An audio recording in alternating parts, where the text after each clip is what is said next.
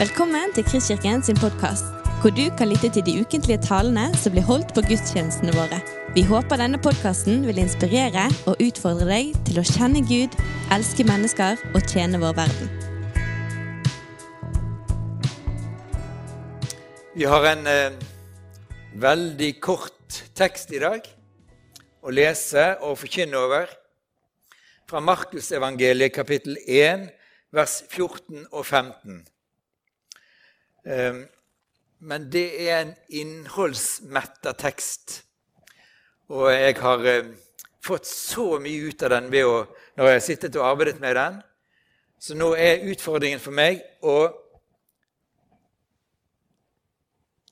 si det fram i kortform, det som jeg opplever at jeg har fått fra Jesus gjennom den teksten. Vi leser Markus 1, 14 og 15. Etter at Johannes var blitt fengslet, kom Jesus til Galilea og forkynte Guds evangelium og sa:" Tiden er inne, Guds rike er kommet nær. Vend om og tro på evangeliet. I synagogegudstjenestene så leser en tre tekster fra hver av de tre delene av det, vi kaller Det gamle testamentet. Fra Toraen, Mosebøkene, fra Skriftene og fra profetene. Denne lille teksten som vi har her nå, den peker tilbake igjen. Og jeg har lyst til å ta med noe av det som innledningsvis står i Markusevangeliet om Johannes døperen, som det profeterte om også i Det gamle testamentet. Det er ikke bare Jesus det profeterte om, men også Markus det står om, Mark, om, om Johannes døperen. Det står at Gud sier, 'Se, jeg sender min budbærer foran deg.' 'Han skal rydde veien for deg.' En røst roper i ødemarken, 'Rydd Herrens vei, gjør Hans stier rette.' Johannes døperen blir for det første kalt budbæreren. En som bærer bud fra Gud om en annen eller noe annet. Fokus er ikke på Johannes døperen. Han sier jo om seg sjøl 'Jeg skal vokse'. Han, Jesus, skal Jeg skal avta, sier Johannes døperen. Han, Jesus, skal vokse. Og han peker med sin finger på Jesus og sier, 'Se der, Guds lam'. Han peker ikke på seg sjøl. Han er ikke opptatt av sin egen person. Han er ikke opptatt av å vokse, bli stor sjøl. Enhver budbærer i Guds rike må lengte etter, be om å få være som Johannes døperen. En budbærer med et budskap ifra Gud. Ikke et budskap som seg sjøl, men et budskap om Jesus, om evangeliet. Og så står det om Johannes at han er en veirydder. Og en predikant, en profet, et Jesu vitne, er en veirydder for Jesus. Ikke en veirydder for sitt eget prosjekt, men en veirydder for Guds evangelium. Og så står jo Johannes døperen der fram som en profet en profetrøst som roper i ørkenen. Det var ikke så veldig mye flott rundt Johannes døperen. Omgivelsene var en ørken, ødemark. Klesdrakten hans, håret, alt bærer liksom bud om at dette var ikke noe særlig til person. Han var ikke høyt aktet blant konger og den slags men han hadde et budskap som skulle stå der nakent, rent, og som var en profetrøst. Og Jeg tenker på Johannes døperen inn i rekken av alle profetene i Det gamle testamentet. Det var ikke det at de var så veldig verdsatt i sin samtid. Jesus snakker om eh, profetene og sier Salige er dere når dere blir forfulgt. Sier han til disiplene. For slik forfulgte de profetene før dere. Profetene fikk ofte en skjebne som vi ikke synes var så veldig høyverdig. Men sånn var det med Johannes døperen også. Han fikk en veldig kort karriere. Og han døde ung. Og I vers 14 i det vi leste nå, så står det etter at Johannes var blitt fengslet. Og Det beskriver Markus litt senere i evangeliet. Det var jo fordi Johannes som profet talte sannheten fra Gud. Han var så ulik alt vi kan kalle lykkeprofeter. Hadde han vært en eh, smart lykkeprofet, en strategisk profet eller budbærer, så hadde han eh, formulert seg helt annerledes. Han hadde ikke provosert på den måten han gjorde, men fordi han var en budbærer fra Gud, så bar han, Guds, så bar han fram Guds sannheter. Ikke det som han tenkte var smart og strategisk. Og Det er en profets kjennetegn. Også om vi skulle lengte etter å høre mye profetiske ord så er det ofte noe som rammer oss hjertet, rammer oss som enkeltperson, rammer oss som menighet og kirke, rammer samfunnet. Fordi at Gud vil ha oss inn på sitt spor, der vi har veket av. Og Gud vil tale sannheten til oss. Vi kan bare tenke på vår egen tid. Vi har hatt noen profeter også i dette landet og en er blitt fengslet, av dem iallfall jeg tenker som profet. En annen er blitt nektet talerstol. Det er noen jordmødre som ikke har villet være med på det å ta livet av små fostre, som har mistet stillingene sine. Og sånn kan det være for dem som bærer fram profetiske budskap, ikke fra sin egen tanke, men fordi Gud har lagt noe på hjertet deres. Jeg kan ikke la være å tale om det. Ja, sånn var det med Johannes døperen. Så ble karrieren hans kort. Men det er noe fantastisk sant i det som Søren Kjerkegaard, den danske filosofen, sa. Mart, eh,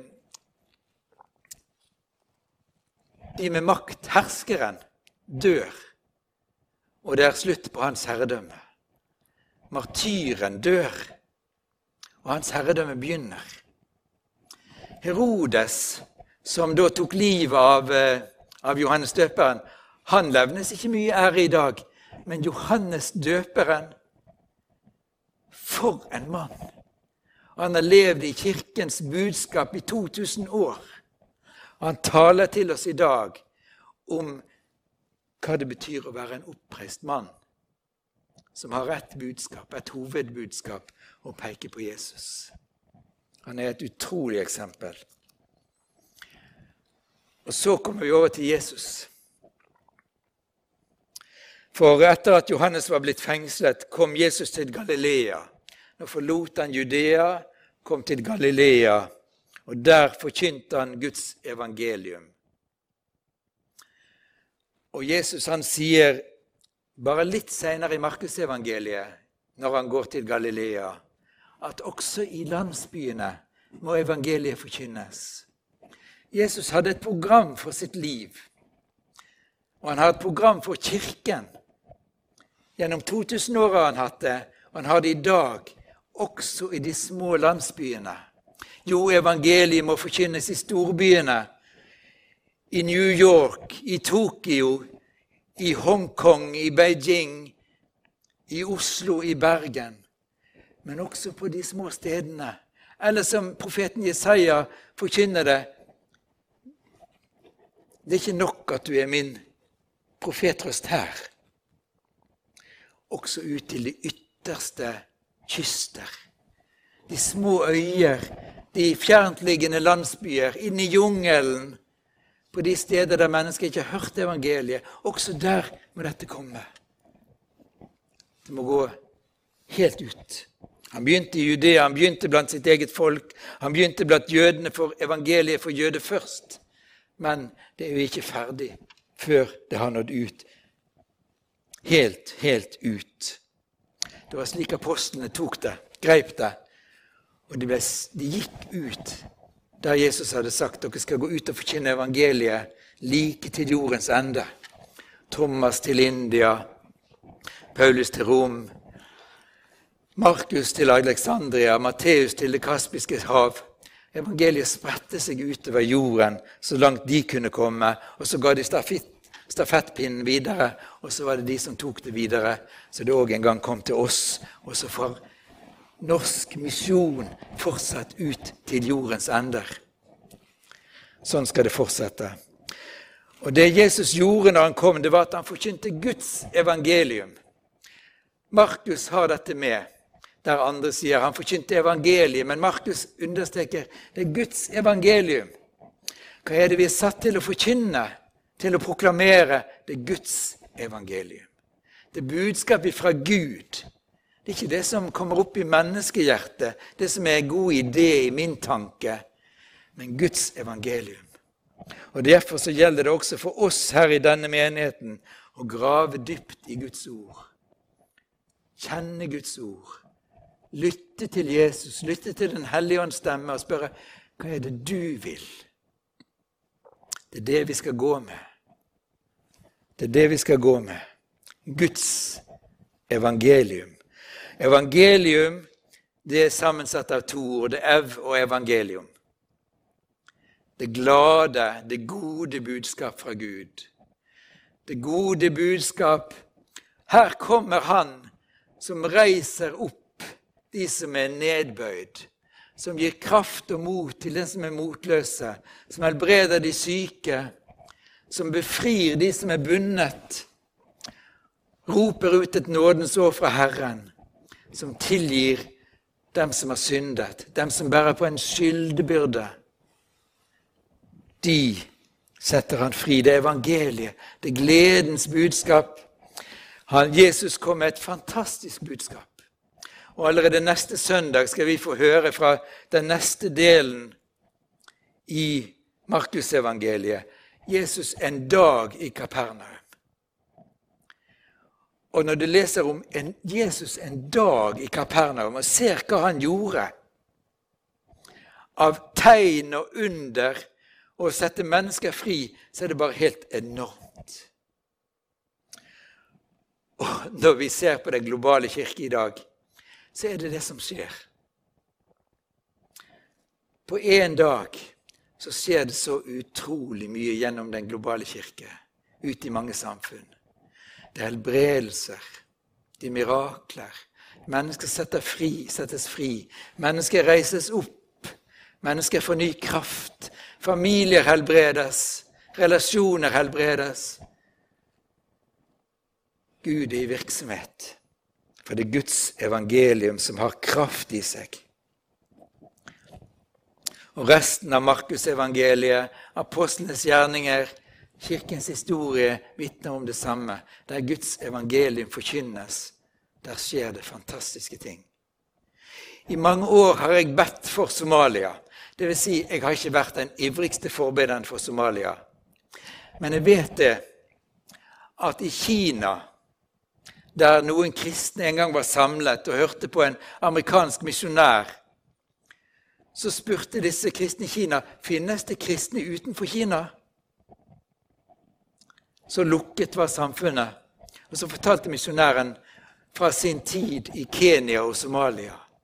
Og fra den dagen bestemte disse kristne i Kina seg for å stå opp en time tidligere hver morgen og be for Somalia.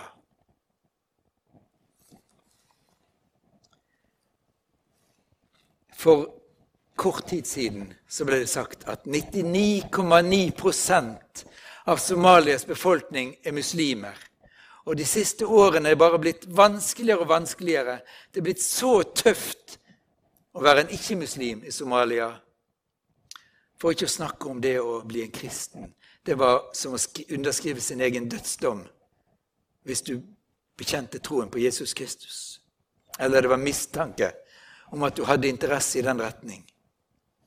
Men så er det altså noen som har bedt for Somalia, bedt for Somalia. Og så ser jeg nå Jeg prøver å følge litt nøye med på dette og ser at det popper opp det ene nettverk etter det andre av somaliske kristne. Gud er i ferd med å gjøre store ting og sette mennesker fri fra bindingene i det religiøse, det antikristne, til å sette mennesker fri i Jesus. Og det å lytte til deres vitnesbyrd. Hei, skal du vite hva det er å være en kristen, og har opplevd Jesu gjerning i ditt liv, så skal du lytte til disse vitnesbyrdene. Fra nye kristne med muslimsk bakgrunn. De vet hva det dreier seg om. Der vi har hørt det så mye og nesten blitt likegyldige til det. Jo, vi får jo nåde. Jo, vi får jo synstilgivelse. Jo, der får du høre dette betyr alt i vårt liv. Dette har revolusjonert mitt liv. Dette har transformert, og det gjør det videre med det samfunnet som jeg lever i. Jesus forkynte Guds evangelium, og så ropte han ut 'Tiden er inne'. Tid Det er to ord på gresk for det. Og det er jo dette tiden går. ikke sant? Vi har klokken her, og tiden går altfor fort. Som vanligvis, og akkurat nå også. Men det er et annet ord. Tiden er inne. Det er akkurat nå det viktige øyeblikket Det er akkurat nå det skjer. Det er kairos. Nå skjer det. Der Jesus kom. Nå er tiden inne. Folkens, her og nå. Og Jesus sa det der.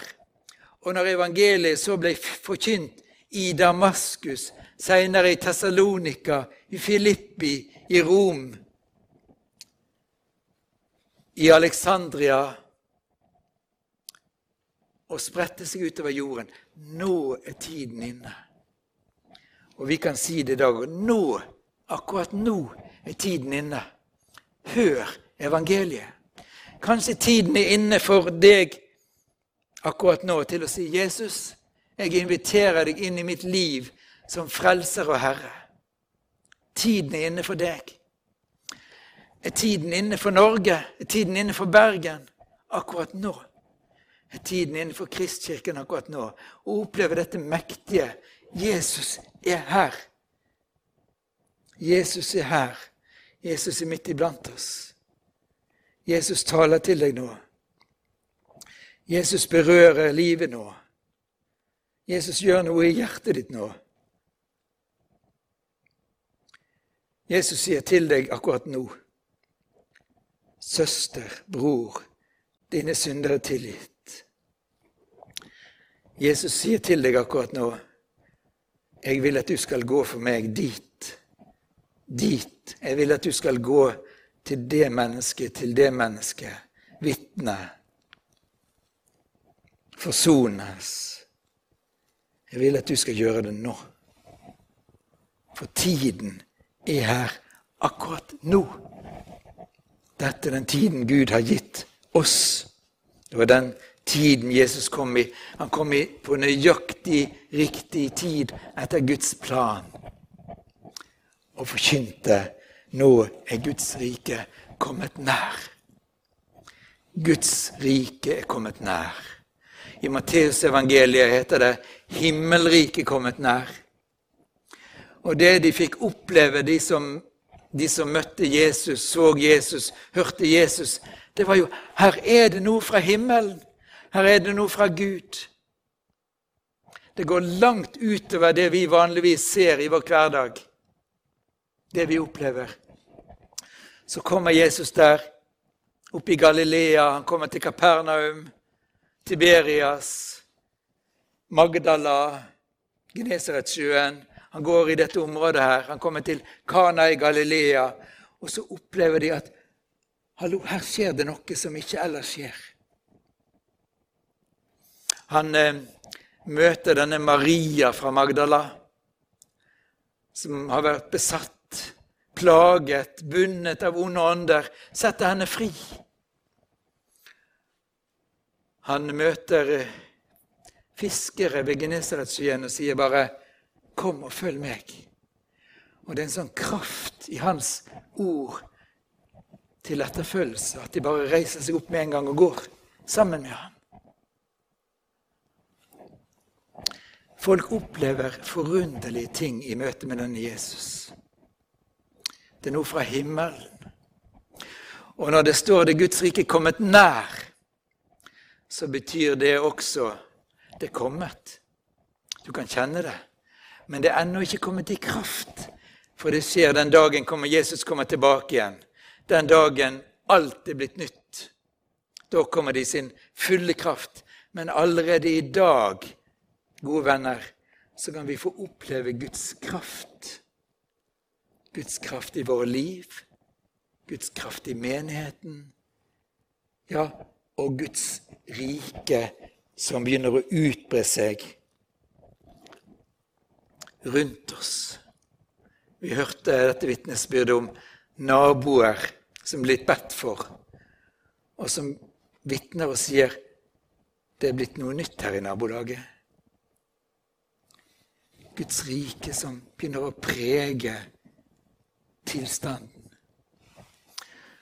Og når Jesus da gikk omkring i Judea og Galilea, ja, inn i Samaria også, og så at en hel landsby vendte om til Herren, så er det målet.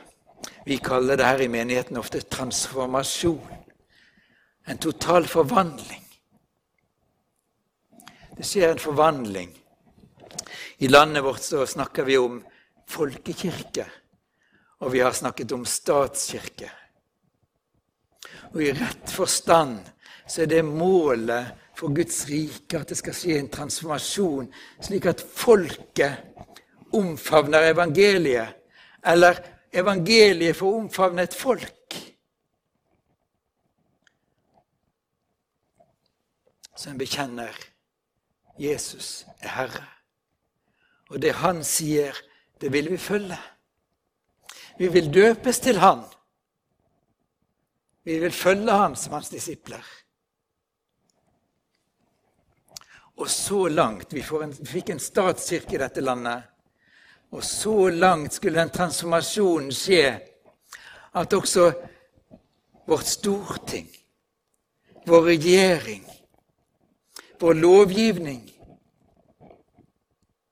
forvaltning Alt var preget av Guds rike verdier. Det der må vi ikke tenke for smått om. Nå, det, det, vi, elsker, vi, elsker, vekkelsespredikanter. Vil ha, jeg vil gjerne ha mange vekkelsespredikanter. Og det hender at det er der i mitt hjerte også en bønn om at for, la meg få være en vekkelsespredikant som kan vekke opp og se mennesker komme til tro på Jesus. Men denne vekkelsen som Jesus starta, denne Jesusbevegelsen, Jesusvekkelsen, som vi snakker om på 70-tallet, den, den, har enorme dimensjoner. Det er blitt opplevd i dette landet her. Det ble opplevd med Hans Nilsen Hauge i store deler av landet. Det kan skje på nytt. Det ble opplevd i denne byen her. Mennesker har stått i kø nærmest for å bli frelst, for å komme inn på et møte. Vi ser det i forskjellige land rundt om i verden, og det er folkevekkelser. Og hos noen regimer som er fiendtlige til det kristne budskap, så frykter de denne vekkelsen.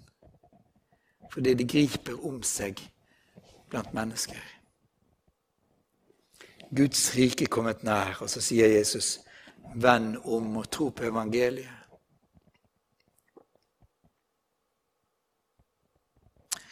Jeg blir ikke ferdig med det. Fordi det er noe i mitt liv, det er noe i, i samfunnet, det kan være noe i menighetene, som kommer inn istedenfor det som er fra Gud. Vend om, sier Jesus. Nå er det evangeliet som gjelder. Denne når Jesus kom der og forkynte Guds rike kommet nær, og det var han, så vet vi òg at det var ikke bare sånn at det skjedde fantastiske ting. Men det var noe som det måtte tas tak i. I mitt liv kan jeg kalle det kjødelige, det, det syndige. Det var også i strukturer i samfunnet. Det er noe som må tas tak i. Det er noe som må legges ned eller brytes ned når Guds rike skal komme i enda større kraft iblant oss. Du har lyttet til en podkast fra Kristkirken i Bergen. Vi håper du har blitt inspirert og utfordret i din vandring med Gud. Vil du vite mer om oss, så klikk deg inn på kristkirken.no.